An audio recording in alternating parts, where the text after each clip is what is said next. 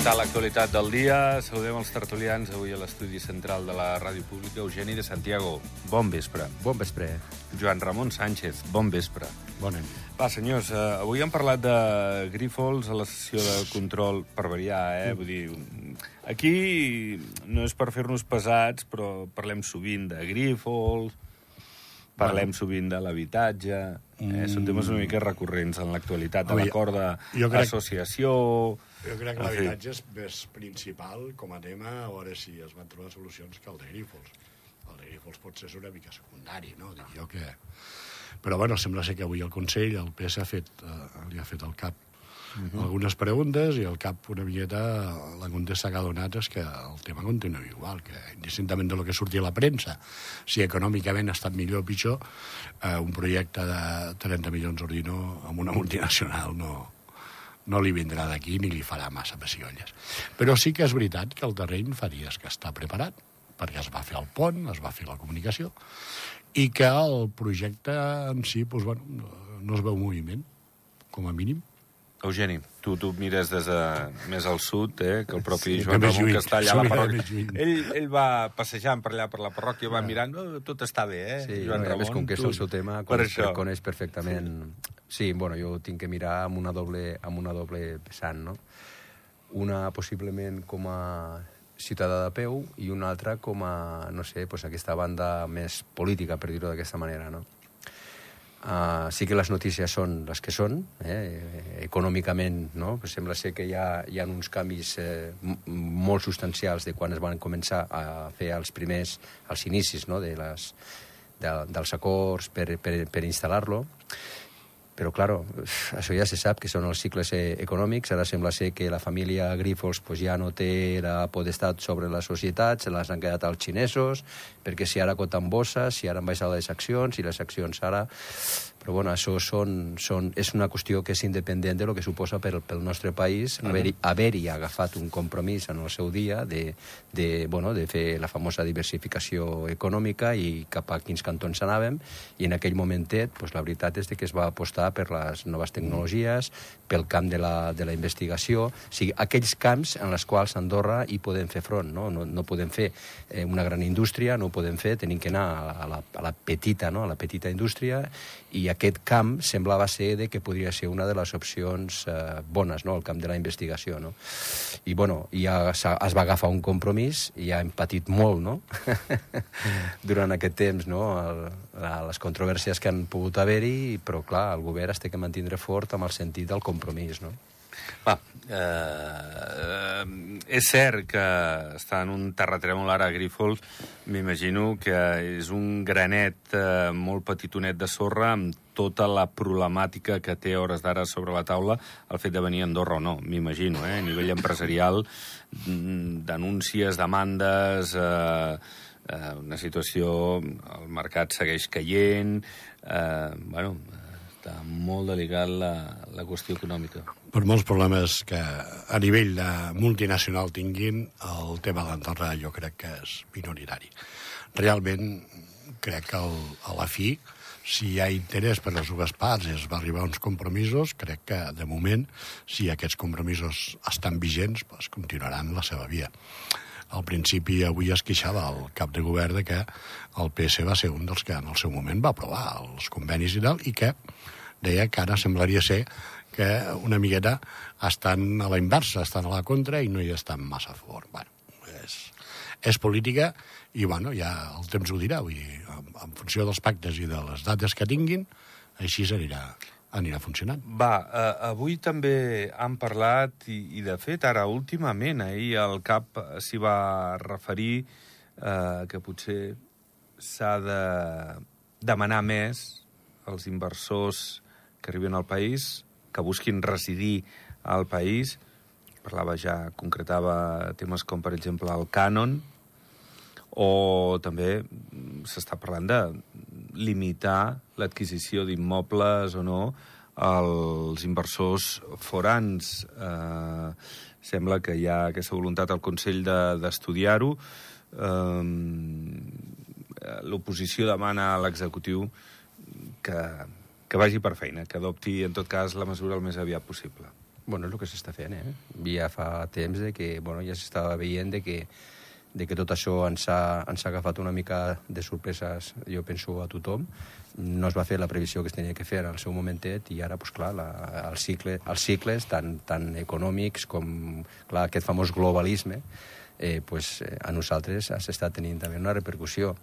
I dintre d'aquesta precipitació que tenim que fer, perquè no pot ser, no, crec que no es podria dir d'una altra manera, davant d'aquesta manca de previsió, pues, intenta actuar de la manera més coherent i sobretot de les maneres que són factibles, que són viables. Vull dir, moltes vegades hi ha voluntats de fer coses, però clar, com, quan i de quina manera, i sobretot qui, qui les fa en aquest momentet, el, el, el govern, pues, clar, ja té sobre la taula aquesta situació que tenim sobre, sobre l'habitatge, per dir-ho així, eh, en general, eh? vull dir, una cosa és l'habitatge de, de lloguer i, bueno, i, i el que és la inversió estrangera amb la construcció d'aquest nou tipus d'habitatge, no? I clar, i qui ho feia, de la manera que es feia, pues, fins ara, pues, la veritat és de que des de que es va fer no, el, Ramon, a l'acord de, a l'acord de, de, sobre... De que tinguessin els estrangers Claro, el sobre la 100% inversió d'accions que la poguessin fer... de la... Claro, Això eh, ja fa temps que es va fer. Claro, fa què es va dir? Que quan es va fer, pues, que igual la, era molt precipitada, que no s'estava tenint el resultat, no venia ningú, i llavors es van fer una sèrie de normes que ara estem veient de que no van ser les, les adequades, i ara, efectivament, es tenen que canviar.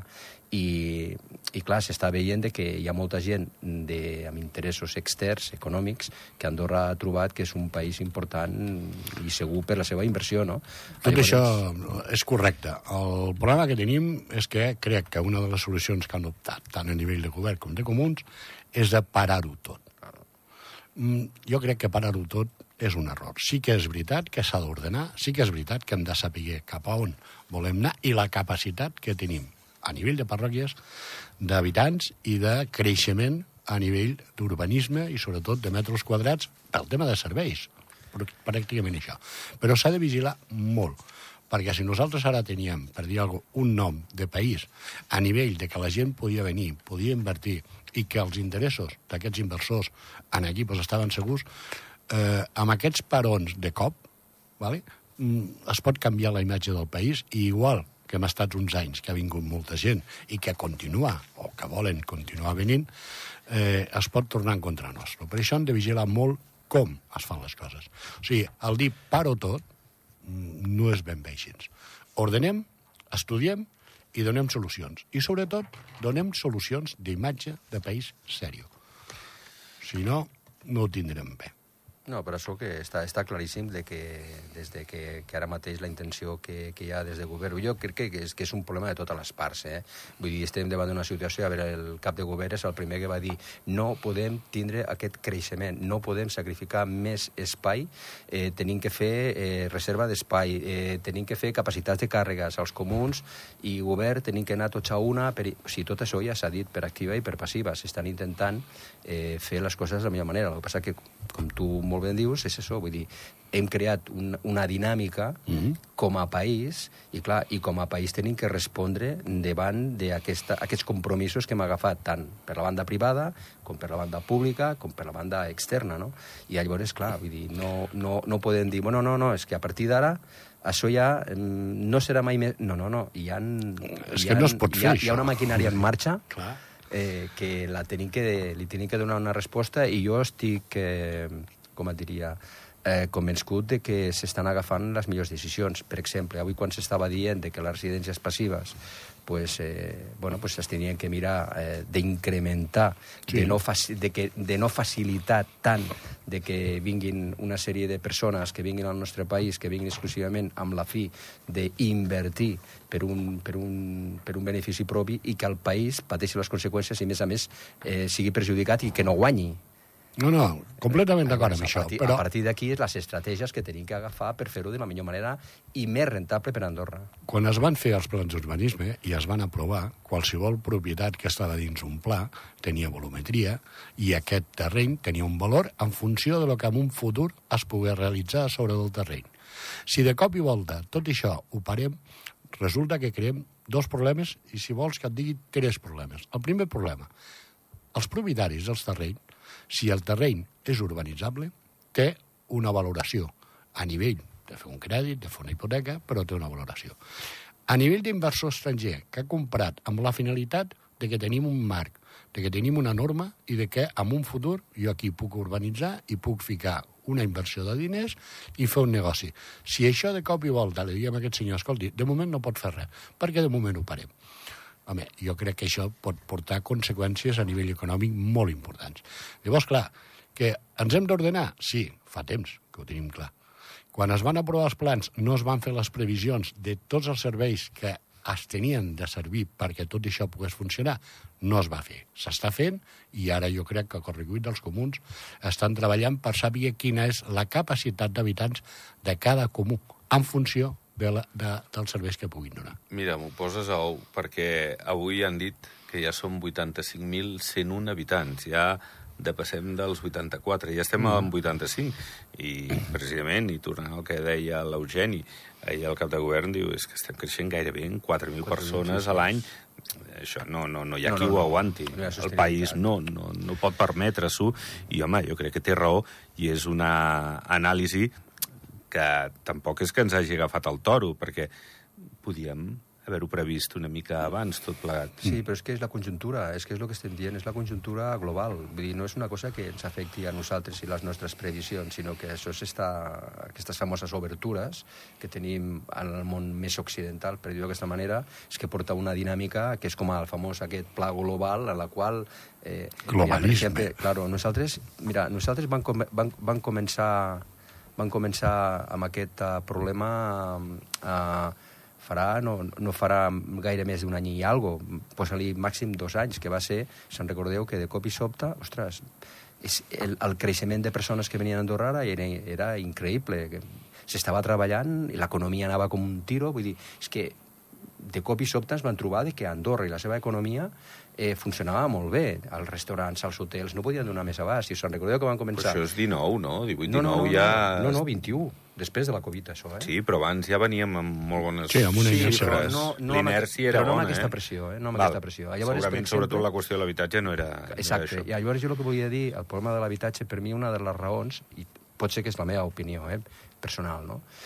Però van començar de que els hotelers, els restauradors van començar de que els hi feia falta mà d'obra. Que si no tenien mà d'obra, no podien obrir, inclús molts van, van dir que tenien que tancar perquè no tenien mà d'obra. Llavors, sí, sí. clar, a immigració es van trobar de que d'on agafa la mà d'obra. D'Espanya venia molt poca, de França venia molt poca, del país no donava l'abast, i teníem només 200 o 300 persones que estaven, que estaven esperant per treballar, i de cop i sobte que es va dir, pues bueno, eh, anem a mirar de que les persones que han vingut, sobretot a la, la gent del, sud-americans sí, que van vindre a fer les temporades d'hivern, pues de que aquestes persones poguessin allargar per l'estiu. Llavors es va dir, tots els que ja fa més de dos o tres temporades que han estat aquí, sistemàticament els hi donarem sis mesos més de permisos a l'estiu perquè puguem fer.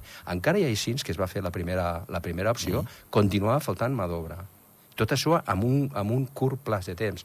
De cop, no, I no arribem, i no arribem, i van dir, bueno, pues, llavors ara, mira, el que farem serà, només que hagin fet dues temporades, i ja podran vindre. Després, de cop i sobte, van dir, bueno, és que tampoc arribem. Llavors es va dir, bueno, si ja han fet una temporada a Andorra, però tenen dos anys d'experiència amb el seu lloc d'origen, en el lloc que tenen que anar a treballar, doncs ja els hi donem també aquest permís. Després van començar de que ja sistemàticament el que venia a treballar a la temporada d'hivern ja es podia quedar la resta de l'any. I més a més, comencem amb els problemes de reagrupació. Amb, amb molt poc temps ens hem trobat amb 3.500 persones que estaven demanant un habitatge durant tot l'any. Abans és que venien, estaven sis mesos i marxaven, i tornaven a quedar lliure aquells apartaments, no? Però és que ara s'hem trobat que hi ha una població activa molt superior, molt intensa. 3.500 treballadors temporers que amb no res han ocupat un parc d'habitatge que no esperàvem.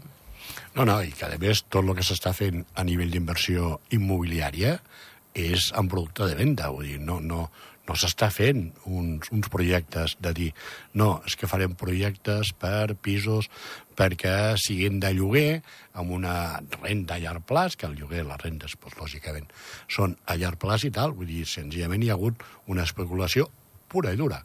Vull dir, venda, demanda, sí, sí. inversió, gent amb un poder econòmic diferent i que el mercat realment ens hem deixat una miqueta que tot això s'ha de mantenir i els treballadors han de poder viure. Claro, no? I després una altra cosa que també tenim que comptar, que ningú comptava de que això de reconvertir els pisos de lloguer o els pisos de venda en pisos turístics perquè puntualment en aquell momentet era el millor negoci que es podia fer per no tenir-los no tenir tancats, ens, va, ens ha caigut. I després, a sol i sumes els famosos pisos tancats d'inversors estrangers que han tingut aquí, que no es podien posar a la venda pels motius que tots sabem, més altres propietaris que per la seva banda pues, les segones residències pues, les tenien també, clar, eh, ens trobem amb els famosos 4, 5 i 6.000 pisos que estan que estan en un context de, bueno, de, de, de que no estan operatius. Llavors, clar, dir, aquí és on està una miqueta el, Sí, però la gent que en el seu moment va fer una inversió per tindre un pis a Andorra i pujar a esquiar i perquè li agrada el país i tal, i va, es va gastar els seus diners i va confiar en el país per tindre aquí una propietat que la millor pugen un mes a l'any, ¿vale? però seva. Sí, és una propietat sí, que és seva. Amb, amb Llavors, clar, tot si dret. aquesta gent que tenen aquests pisos, que lògicament n'hi ha bastants, ¿vale? però com li dius amb aquesta gent, no, és que ens faria falta el pis perquè la gent del país ha de viure. No, seu el pis. Sí, bueno, però aquest pis. és el de segona residència. Jo em refereixo a aquells, a aquells inversors que, que sabem que van comprar els pisos exclusivament especulativament i que els tenen tancats perquè, bueno, la famosa llei no, de, espanyola d'Higenda en el qual... No D'aquests no n'hi ha tants. Jo crec Home, que es va donar un marge, es va donar un marge de dos anys perquè tothom pogués regularitzar i el que no volgués regularitzar amb el país d'origen eh, el vengués.